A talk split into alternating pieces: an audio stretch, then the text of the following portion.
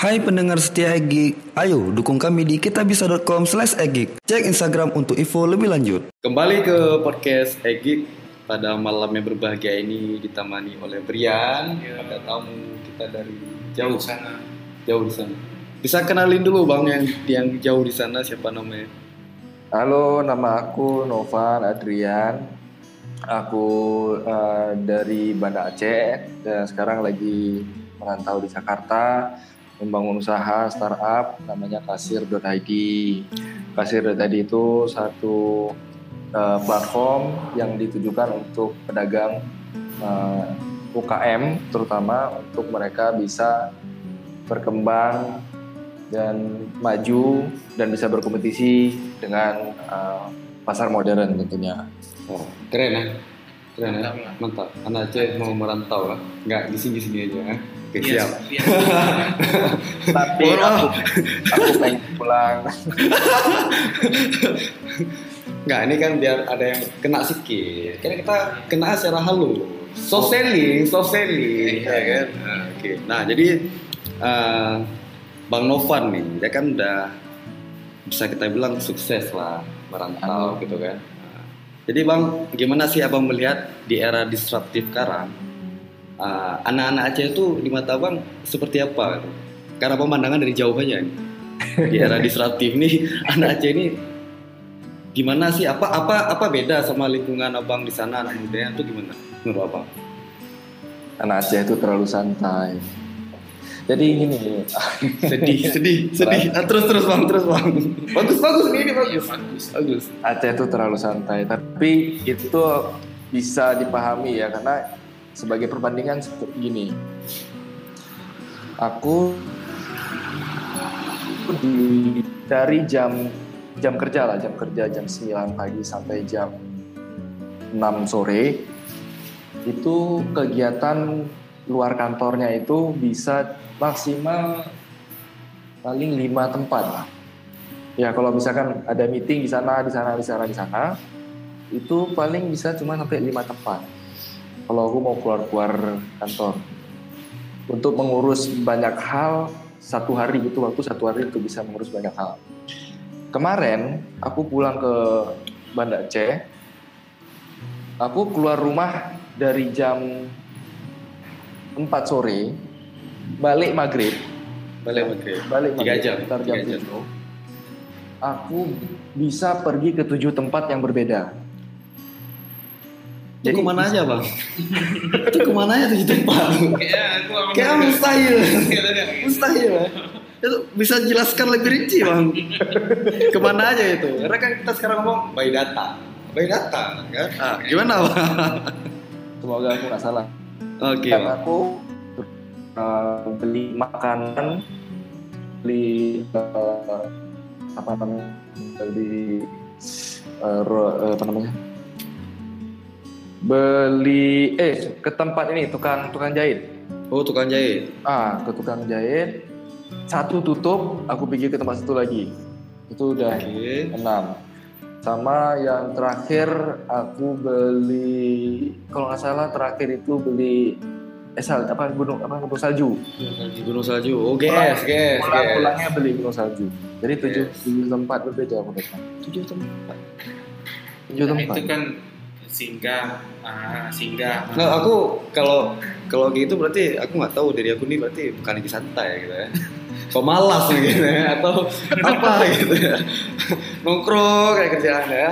Oke lah, makasih. Itu jadi ah, oke oke. ya itu yang paling aku rasa tuh uh, orang Aceh orang Aceh itu mungkin karena kondisi uh, lalu lintasnya yang kosong um, dan ke mana-mana dekat jadi tidak bisa bukan tidak bisa ya. Kurang menghargai waktu.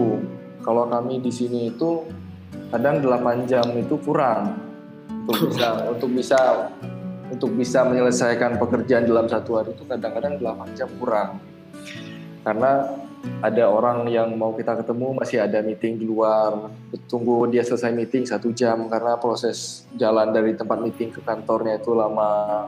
Nah itu ada banyak hal yang kita bukan karena kita menyanyiakan waktu tapi karena memang mereka habis waktu di jalan Oke. Agak kerasa kali di Kalau di sini terbalik, sini menyanyikan waktu gitu ya. Jalan perasaan nggak ada. Nah, jadi- kosong.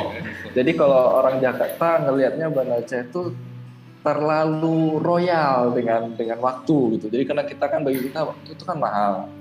Kalau Jakarta tuh eh, kita bisa nyampe di rumah satu jam lebih cepat itu udah kayak dapat uang satu juta.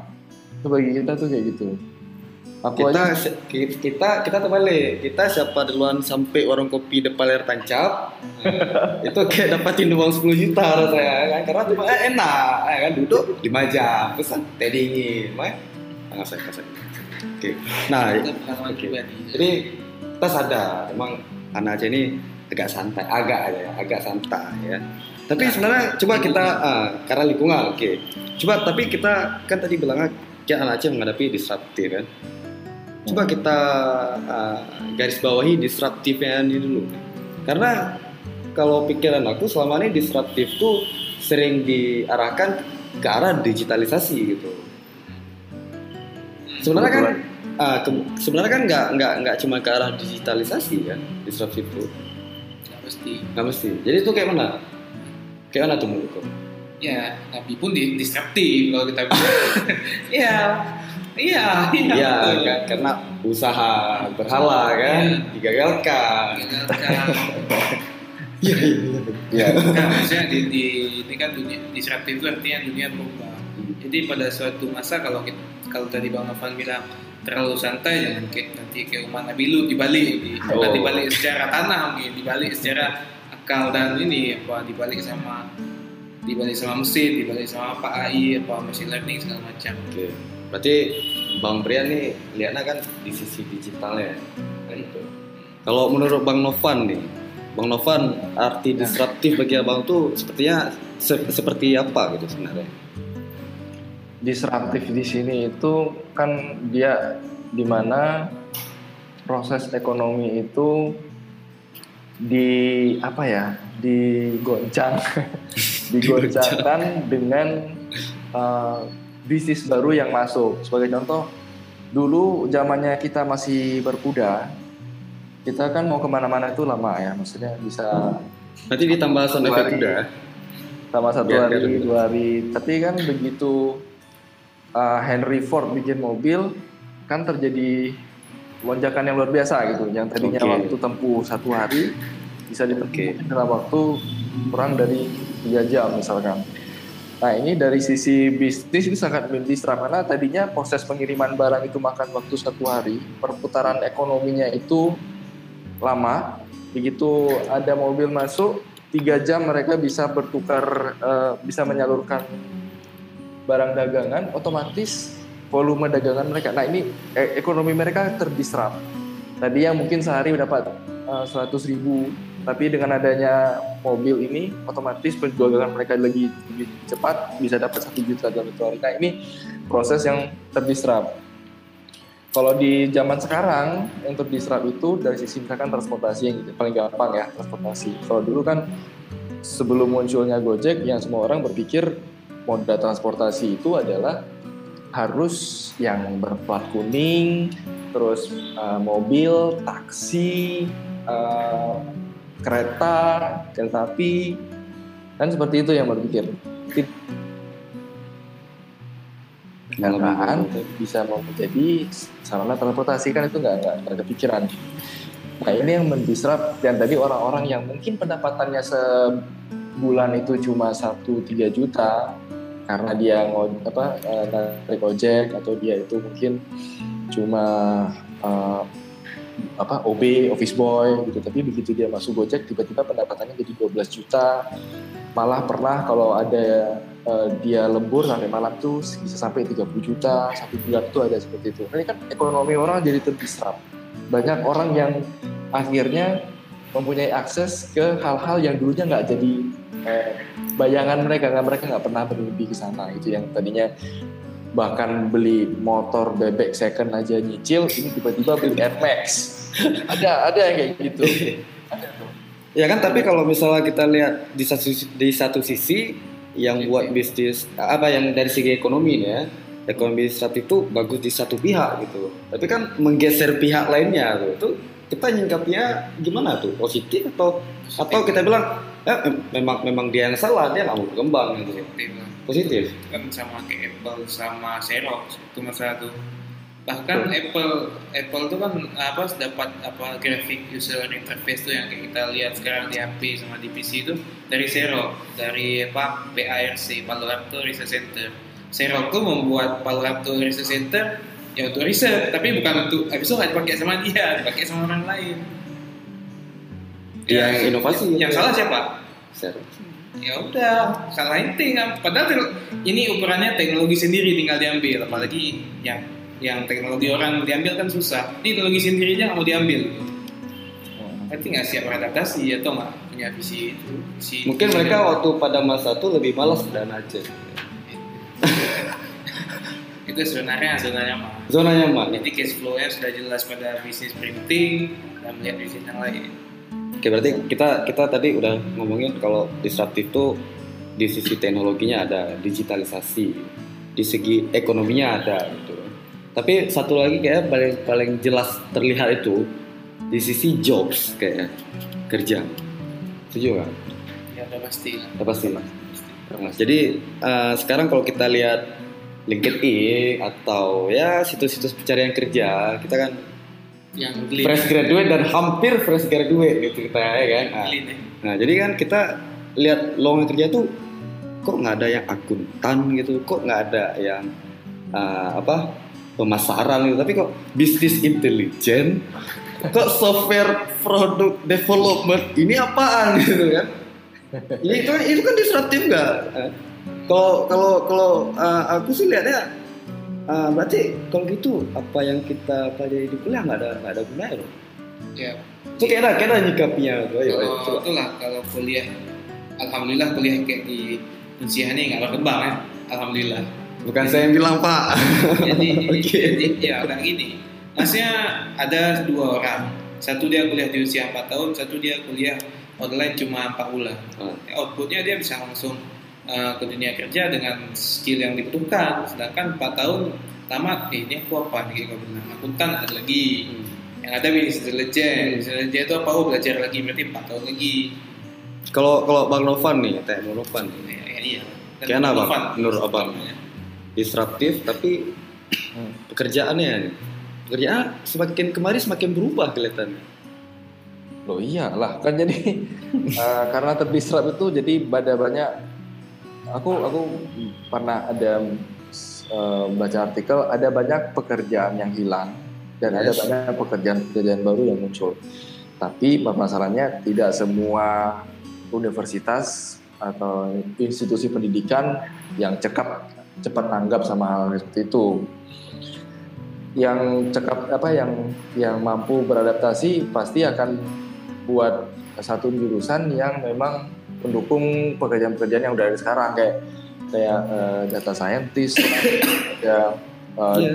digital strategist lah, ada eh, content creator Hmm. itu itu kan eh, profesi-profesi baru yang muncul memang pas kebetulan internet udah eh, lagi hangat-hangatnya tapi ya itu tadi kembali lagi sebenarnya dari sisi pendidikan mereka tidak mampu begitu cepatnya mengikuti perkembangan itu karena kan menyusun kurikulum itu bukan, bukan, hal yang mudah dan nggak cepat waktunya untuk bisa mengikuti kurikulum.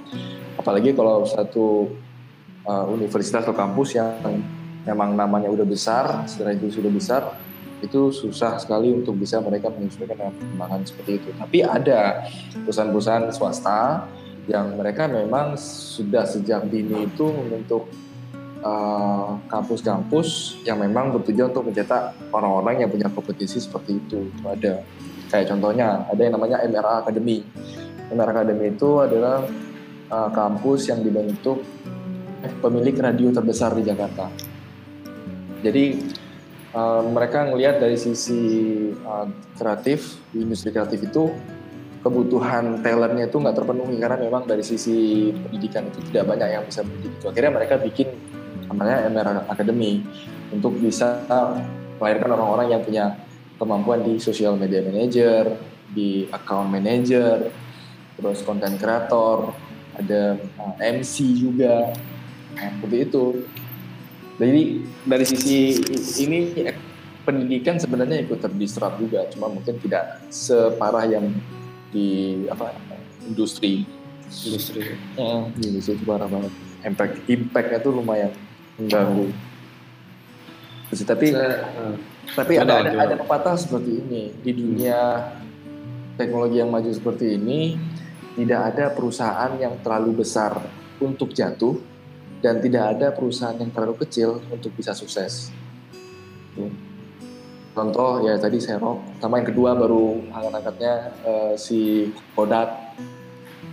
Ya itu udah udah udah udah salah satu bukti ada ada raksasa yang jatuh gara-gara dia tidak bisa beradaptasi. Nokia Nokia masih terseok-seok. masih terseok-seok ya Masih kembali. produk lama kembali ya tiga tiga sepuluh Iya. yang lempar binatang binatang yang mati iya gitu kan nah itu biar jangan tegang Iya iya iya iya. aku tadi takut dengar ah, ini job ganti kayak mana aku anak akuntansi tekno nggak ngerti ya kan Nah, ini ini kan ngomongnya di podcast aja ngerti kan gitu. Oke jadi menarik ya. Jadi disruptif tuh sebenarnya masih banyak diajari kalau aku bilang kalau boleh jujur sih pandangan aku nih masih berpikir kepada uh, di teknologinya aja gitu. Kalau di segi pemerintah mungkin ya lihat ah, disruptif itu uh, smart city contohnya gitu. Jadi uh, makanya tadi aku sempat bilang gitu kalau uh, kebanyakan regulator itu kayak latah smart city gitu. Aku memang bukan anak panologi atau bukan anak teknik. Nggak ngerti aku uh, sistem-sistem smart city harus kota tuh dikategorikan smart city atau tidak Kalau udah kasih buku nggak baca. Ah, lupa saya pak. Panjang kali. Bab 4 belum siap. Oke. Jadi jadi eh, ya kalau memang jadi gini kalau memang belum ya jangan klaim-klaim gitu ya kan sama-sama aja tuh jangan jangan jangan sok ngeklaim karena kan kalau diklaim berarti kita kan minta kita tagih gitu ya kan Nah, jadi di sisi teknologi ya eh, ekonomi pasti gitu kan Berarti tadi kan kita sepakat bahwasanya kita harus positif terhadap perubahan zaman di sisi bisnis ekonomi. Nah, sebenarnya yang paling banyak diomongin itu tetap di sisi pekerjaannya. Hmm. Karena uh, kalau ngomong tekno nggak semua orang bisa ngomong tekno. Kalau ngomong ekonomi nggak semua orang bisa ngomong ekonomi kan. Tapi kalau di sisi pekerjaan, semua orang cari kerja. Iya. Karena Brian melihat tes CPNS kemarin di Banda Aceh. Wah luar biasa. Itu Ustaz Somad ya mungkin kalah. Karena wow gitu ya. Ya serius bang. Bukan ngomong gitu. Bohong ya. Ah, jadi ah, aku sih kalau pribadi ya nanti aku minta ah, saran Bang Novan sama saran Brian juga. Kalau kalau aku pribadi sih gini, kalau menghadapi disruptive job tuh kita nggak boleh puas dengan apa yang udah kita tahu. Kita harus cari tahu lebih dan lebih lagi. Bahkan sampai kita terpikir nggak cukup sehari itu 24 jam untuk belajar hal yang baru. Kalau aku kayak gitu. Itu dari zaman pas udah dikasih Ah, ah, aku pernah mengalami masa itu, pernah mengalami masa itu. Nah, jadi sebenarnya untuk membandingkan, ya, aku mau tanya Bang Novan nih. Kalau Bang, no, Bang Novan lihat anak-anak muda di sana nih, ya, anak yang kuliah lah, mungkin Bang Novan sering ke coworking space gitu kan. Saya sebenarnya yang membedakan mereka sama mereka yang anak-anak muda di sana sama anak muda di sini itu di mana ya, Bang? Apa yang mereka bicarakan beda. Ya, yes. Ya pasti. Apa yang mereka bicarakan beda. Nah, ada lain nggak, Bang? Jadi Kalau- juga beda pasti. nggak jadi sederhana begini. Ada yang bilang um, a, a poor mind discuss about people, average mind discuss about event, great mind discuss about the idea. Aku ngerasa kayaknya di warung kopi itu jarang kali aku ngedengar ada orang ngomong tentang ide itu jarang. Kalau nggak ngomongin event, ya ngomongin orang. Oh, bilang aku kemarin ini aku tuh habis aku wait sama dia. Udah kapal lo,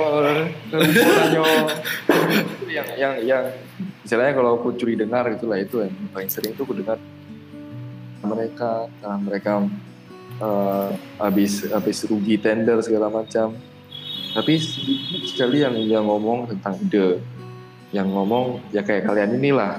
Yang ngomong ini aku mau buat apa ya? Aku mau kayak mau mau apa yang mau bisa aku sumbangkan? Itu itu sedikit kali itu yang bisa aku temuin situ. Udah bang, jangan puji kami lagi bang, udah cukup bang. Jangan puji kami lagi bang. Gak bisa terbang kami bang, ada apa bang? Gak bisa terbang kami bang. makanya orang enggak karena karena kalian di di di di posisi yang langka orang-orang kalian itu kan di Akhirnya ada jadi yang harus harus dilestarikan. Kalau yang langka itu harus dilestarikan. Dan harus ditularkan. Itu. Baru Jadi- kali ini aku podcast ngerasa bahagia, dipuji. Makasih bang, makasih banyak bang. ya, tapi emang kenyataannya kayak gitu berapa kali aku. Maksudnya aku pulang ke Banda Aceh diajak duduk di topik gitu sama kawan. Ya ngomongnya nggak pernah ngomong ide. Pasti kalau nggak yang ngomongin ada ada ada slack sama kawan lah ada ada apa lah ada masalah sama keluarga lah kemarin berantem sama si ini kemarin berantem sama si itu pasti kayak gitu kan ketemu sama kawan kayak gitu tapi ada sekali sekali itu yang ketemu emang ya nanti kita bikin bikin bikin album lah gitu kita kita Bikin kita- album. itu ada itu ada itu kan itu yang yang aku suka tuh kayak gitu ngomong. Jadi di, di warung kopi walaupun kita berkumpul sama orang-orang yang mungkin uh, ngomong nggak jelas tuh kan nggak ada arahnya tapi kita juga bisa membicarakan ide. Kita mau bikin apa kita kira-kira bisa bikin uh, solusi apa buat buat kita minimal atau buat keluarga kita atau uh, kecamatan kita? Gitu misalkan. Iya. nggak harus nggak harus Aceh gitu kan nggak harus Banda Aceh gitu. Iya. Sebenarnya, sebenarnya, sebenarnya aku lihat m- mungkin kalau di deretan pergaulan aku di kampus, secara akademik mungkin bolehlah aku dikatakan eh, menengah di bawah sikit, ya kan? menengah di bawah sikit. Bang Marginal. Ah, bukan marginal. Tapi em, kalau yang lain-lain tuh menengah ke atas, gitu kan. Tapi nggak tahu lah pandangan aku ini eh, salah atau enggak gitu. Aku lihatnya kayak sayang kali kepintaran dia tuh nggak dimanfaatkan gitu untuk membangun hal yang besar gitu. Jadi istilah jadi eh, aku pernah dengar sebuah quote yang banyak dikenal orang tidak pernah berbuat sesuatu. Tapi yang berbuat sesuatu untuk orang banyak itu tidak dikenal. Jadi kayak Tan Malaka. ya? ah, ini tan tan ideal. Karena berikut tuh refleksi saya. jadi gitu, jadi kayak itu quote-nya perlu dicek ke validasi dicek gitu kok meragukan ya ya ya gitu Gi- contoh gini aja deh misalnya misalnya bang bang Novan gini ya bang Novan ya Eh, apa eh, mungkin ada yang kenal bang Novan eh, anak-anak bandar sini. Tapi kan nggak nggak banyak gitu. Contoh Brian deh Brian. Yang paling eh, anak muda rame gitu kan.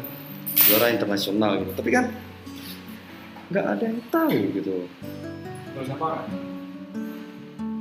Jadi kan istilah kayak eh, jadi yang menarik buat orang tuh sebenarnya apa sih gitu. Saya aku secara pribadi pengen bilang ini ya bro ini zamannya udah berubah bro nggak bisa lagi mikir pikiran pendek gitu. Puas dengan apa yang kamu punya gitu kan karena orang-orang yang nggak nggak nggak merasa pintar kayak aku aja gitu merasa hina gitu merasa lebih di bawah malah. Jadi harus bekerja sepuluh ribu kali lipat untuk mengetahui hal-hal baru. Itu pun belum bisa juga gitu. Itu pun belum ngerti juga gitu.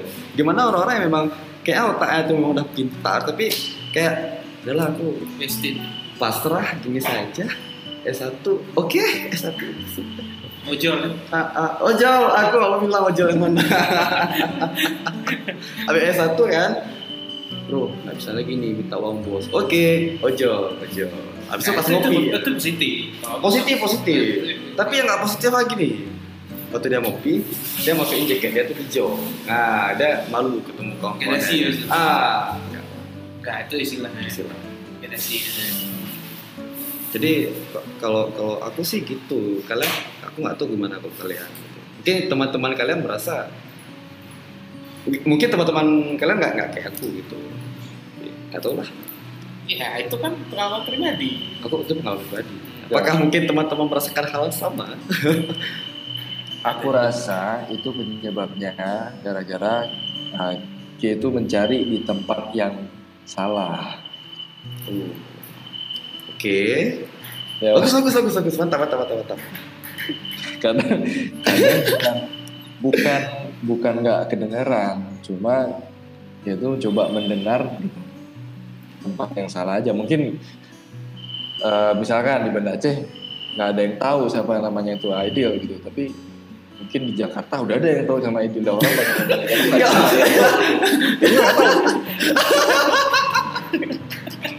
Nggak tahu gitu. Mohon maaf pendengar sekali lagi Aidil tidak pernah berharap dikenal. Ini hanya gimmick belaka. oke, oke lanjut bang, lanjut bang. Ya, tapi Lanjut, Bang. satu hal ya, eh, yang aku ngelihatnya kadang eh, tingkat akademis itu tidak berbanding lurus dengan kesuksesan.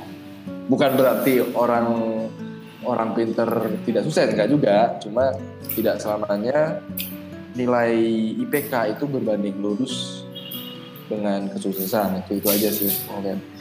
Karena aku sendiri juga aku pernah IP itu pernah satu satu koma juga pernah gitu. Itu bukan Nasako. Nasako Satu koma. Tapi itu kan bukan berarti menggambarkan bahwa aku jadi orang gagal kan. Iya. Gitu. Katanya aku juga punya punya kesempatan untuk bikin perusahaan. Justru yang aku lihat orang-orang yang tidak merasa nyaman dengan uh, akademis itu yang justru muncul ke permukaan gitu. Orang-orang yang merasa tidak nyaman dengan sesuatu yang uh, mereka rasa tidak tidak tidak benar itu yang muncul ke permukaan. Karena sebenarnya untuk bisa sukses itu kan teorinya gampang, gampang sekali. Apa tuh bang? Sesuatu ini mungkin kita pernah dengar ya, Hmm, gimana gimana? membuat sesuatu yang beda Hmm, lebih baik lebih baik. daripada membuat sesuatu yang lebih baik. Nangkap nggak? Disruptif. Dapat bang, dapat bang. Sebagai sebagai contoh, sebagai contoh. Contoh, contoh. Kalian tahu kan di Korea Selatan itu kan lagi hype-nya itu K-pop. K-pop. Oke, siap. Cewek ceweknya cantik-cantik, cowoknya cantik-cantik. Iya, iya, iya. Betul, betul, betul. ya kan? Oke. Eh, yang langsing-langsing, yang tinggi-tinggi, yang ganteng, yang cantik segala macam itu yang muncul dari Korea Selatan, ya kan? Terus tiba-tiba dari se- dari dari eh, negara yang semua penampilannya itu eh, cantik-cantik karena operasi plastik, hampir mukanya sama satu sama lain, muncul satu orang gendut, tua, jelek, narinya norak, lagunya juga norak, tapi dia yang pertama kali view terbesar. Ya kan? Itu itu siapa? Gangnam atau. Pineapple? Pineapple? Pineapple, Pineapple. Bukan. Si Gangnam? Style. Oh ya, PS PSY. That's why. Gangnam Style, Gangnam Style. Gangnam Style. Dia itu kan yang pertama kali bikin YouTube counter itu rusak gara-gara dia. Iya, betul betul betul. Nah, itu yang dia lakukan kan sederhana kan? Mm-mm. Dari dari semua orang muncul dengan tarian yang yang ya jago lah gitu, terus penampilannya cantik-cantik, operasi plastik. Ini orang udah tua, penampilannya jelek, gendut, narinya norak, lagunya juga kita nggak nggak bisa nggak bisa nikmatin. Tapi karena dia jelek, orang jadi pikir "Ini apa tuh? Orang jadi semua matiin. Jadi sederhana sebenarnya. Kalau aku melihatnya kalau di Banda Aceh, contoh di Banda Aceh. Semua orang bikin warung kopi, warung kopi, warung kopi, warung kopi. Ya.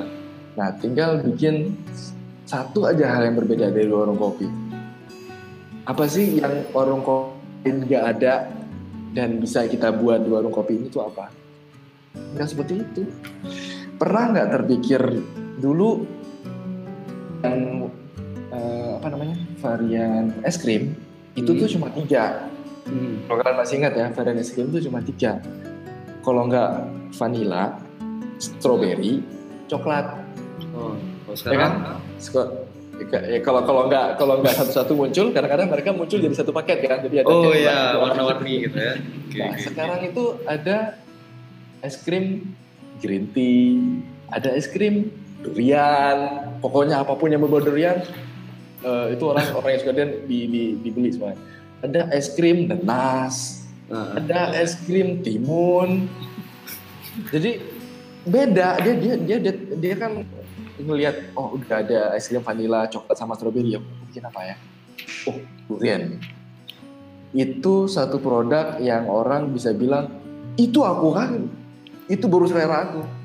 Produk yang kalau kalau istilah kerennya produk yang niche, yang unik, yang orang sampai bisa bilang ya ini produknya ini cocok kali sama aku.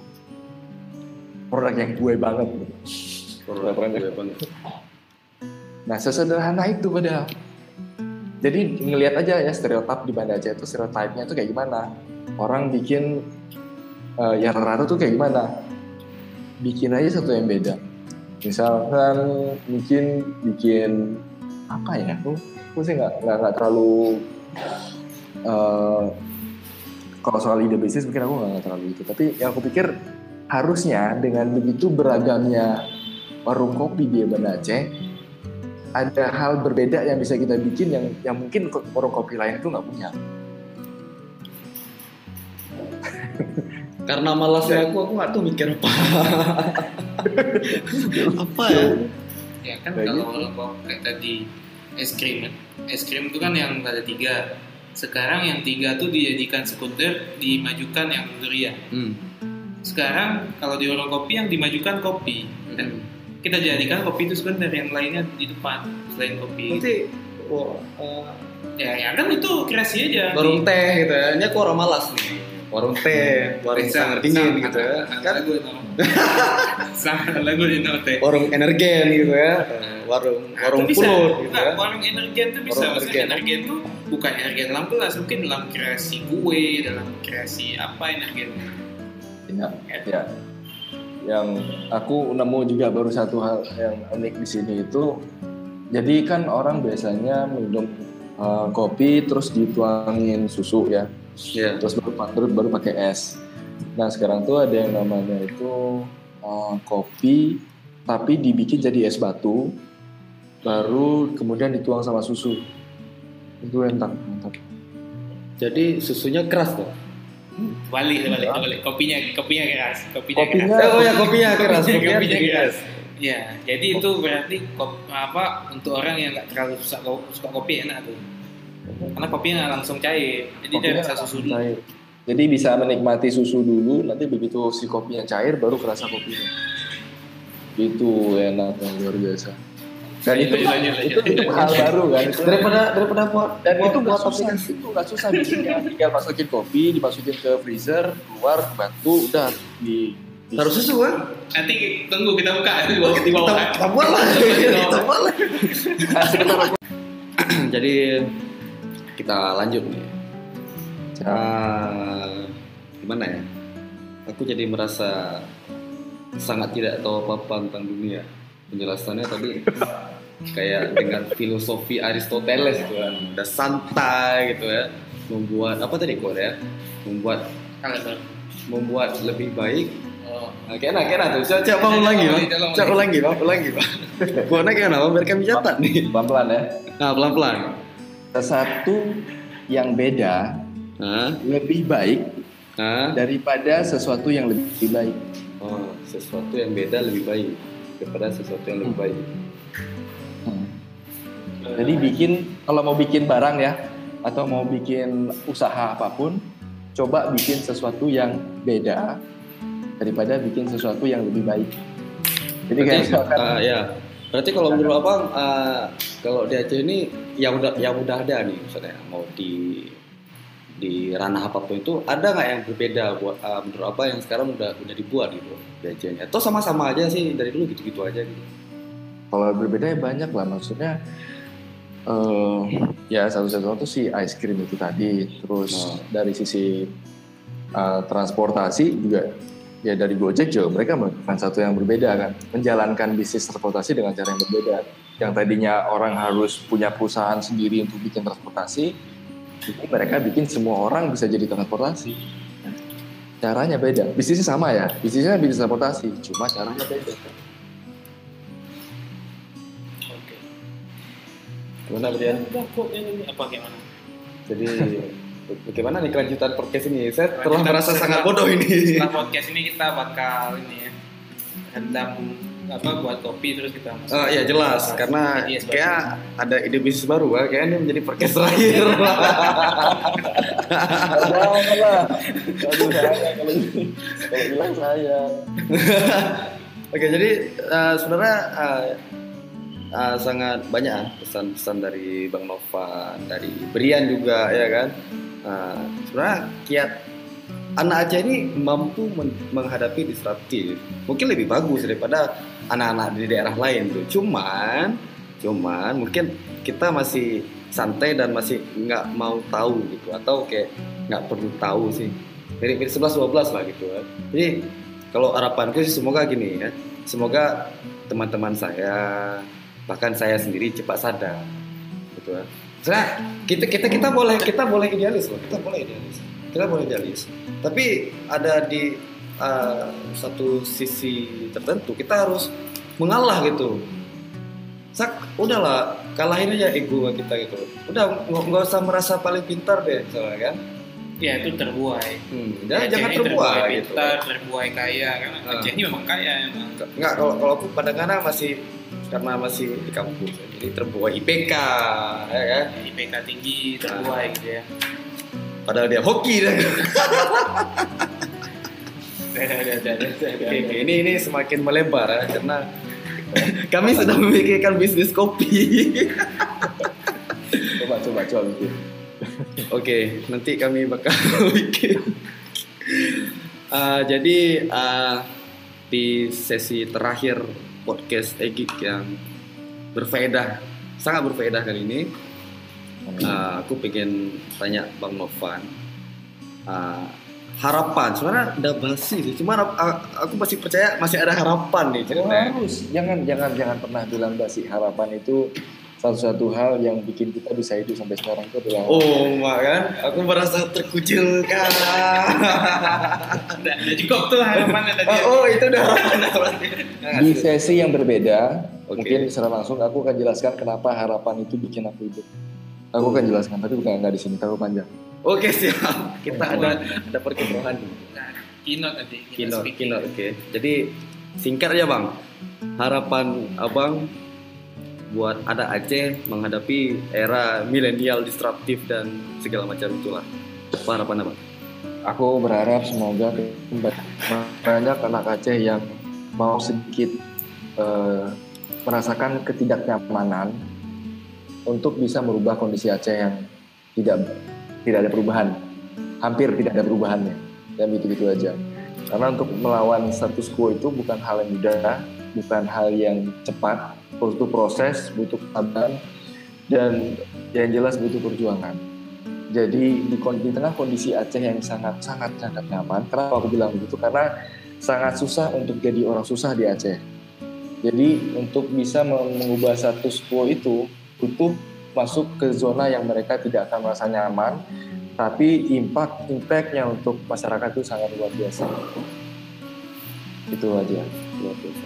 Sangat susah jadi orang susah di Aceh ya. Iya. Inti podcast malam ini sebenarnya. Jadi sangat susah. jadi orang susah di Aceh. Padahal kemiskinan nomor tiga paling bawah. Ah, eh, jangan jangan bahas itu, jangan bahas itu. Itu tunggu dulu, kemiskinan itu tingkat kemiskinan itu bisa berubah tergantung indeksnya. Nah, Oh. itu tergantung standar mana yang dipakai dulu. Iya. Aku percaya standar Jakarta bisa dipakai di Aceh enggak. Kalau Enggak, standar betul, yang kita betul. pakai akan jauh Betul. lebih kecil. Karena Iya, begini, Iya. Pada kenyataannya banyak orang yang jauh lebih apa ya eh, lebih makmur daripada orang yang tinggal di Jakarta. Sebenarnya kenyataannya seperti itu. Kita kadang di Jakarta itu kita tidak punya pilihan lain, tapi di. Aceh itu punya banyak pilihan. Makanya di Aceh itu masih agak nyaman itu karena mereka oh kalau misalkan saya nggak bisa makan besok masih ada tetangga saya yang bantu karena mereka kan masih mau ngasih. Jadi minta beras pun tuh tetangga sebelah tuh masih mau ngasih. Tapi di Jakarta kan nggak bisa kayak gitu. Oh, iya. Tuh ya lu lu lu gua gua gitu. Jangan jangan nggak bisa berharap sama tetangga. Tapi di, di Aceh itu karena memang kita masih solidaritasnya tinggi, kita masih mau bantu orang Jelas. masak buat orang kawin. Jelas. Makanya aku bilang agak susah jadi orang susah di Aceh itu seperti itu. Bukan berarti dia secara nasib jadi orang susah, tapi dia memilih jadi orang susah. Itu beda ya. Maksudnya secara nasib mungkin dia udah berusaha keras tapi dia nggak bisa. Tapi di Aceh itu kebanyakan jadi orang susah karena mereka memilih untuk jadi orang susah. Itu yang aku bilang maksudnya susah jadi orang susah lebih benar di Aceh. sangat menyentuh. Luar biasa. Ah, jadi berakhir sudah podcast kali ini. Terima kasih buat Bria yang sudah ada Bang Novan juga. Bang Novan sudah mau kita telepon lewat hangout ya. Walaupun sedikit ada gangguan teknis tapi intinya dapat intinya dapat susah jadi sangat susah jadi orang susah di Aceh ini judulnya tak ganti itu aja. Ah, boleh. Nanti tolong tim kreatif ya kan, mengkreatif kreatifkanlah judulnya ya kan. Nah, jadi ah, sekian dari kami, kami pamit. Sampai jumpa di podcast selanjutnya. Oke, udah Assalamualaikum.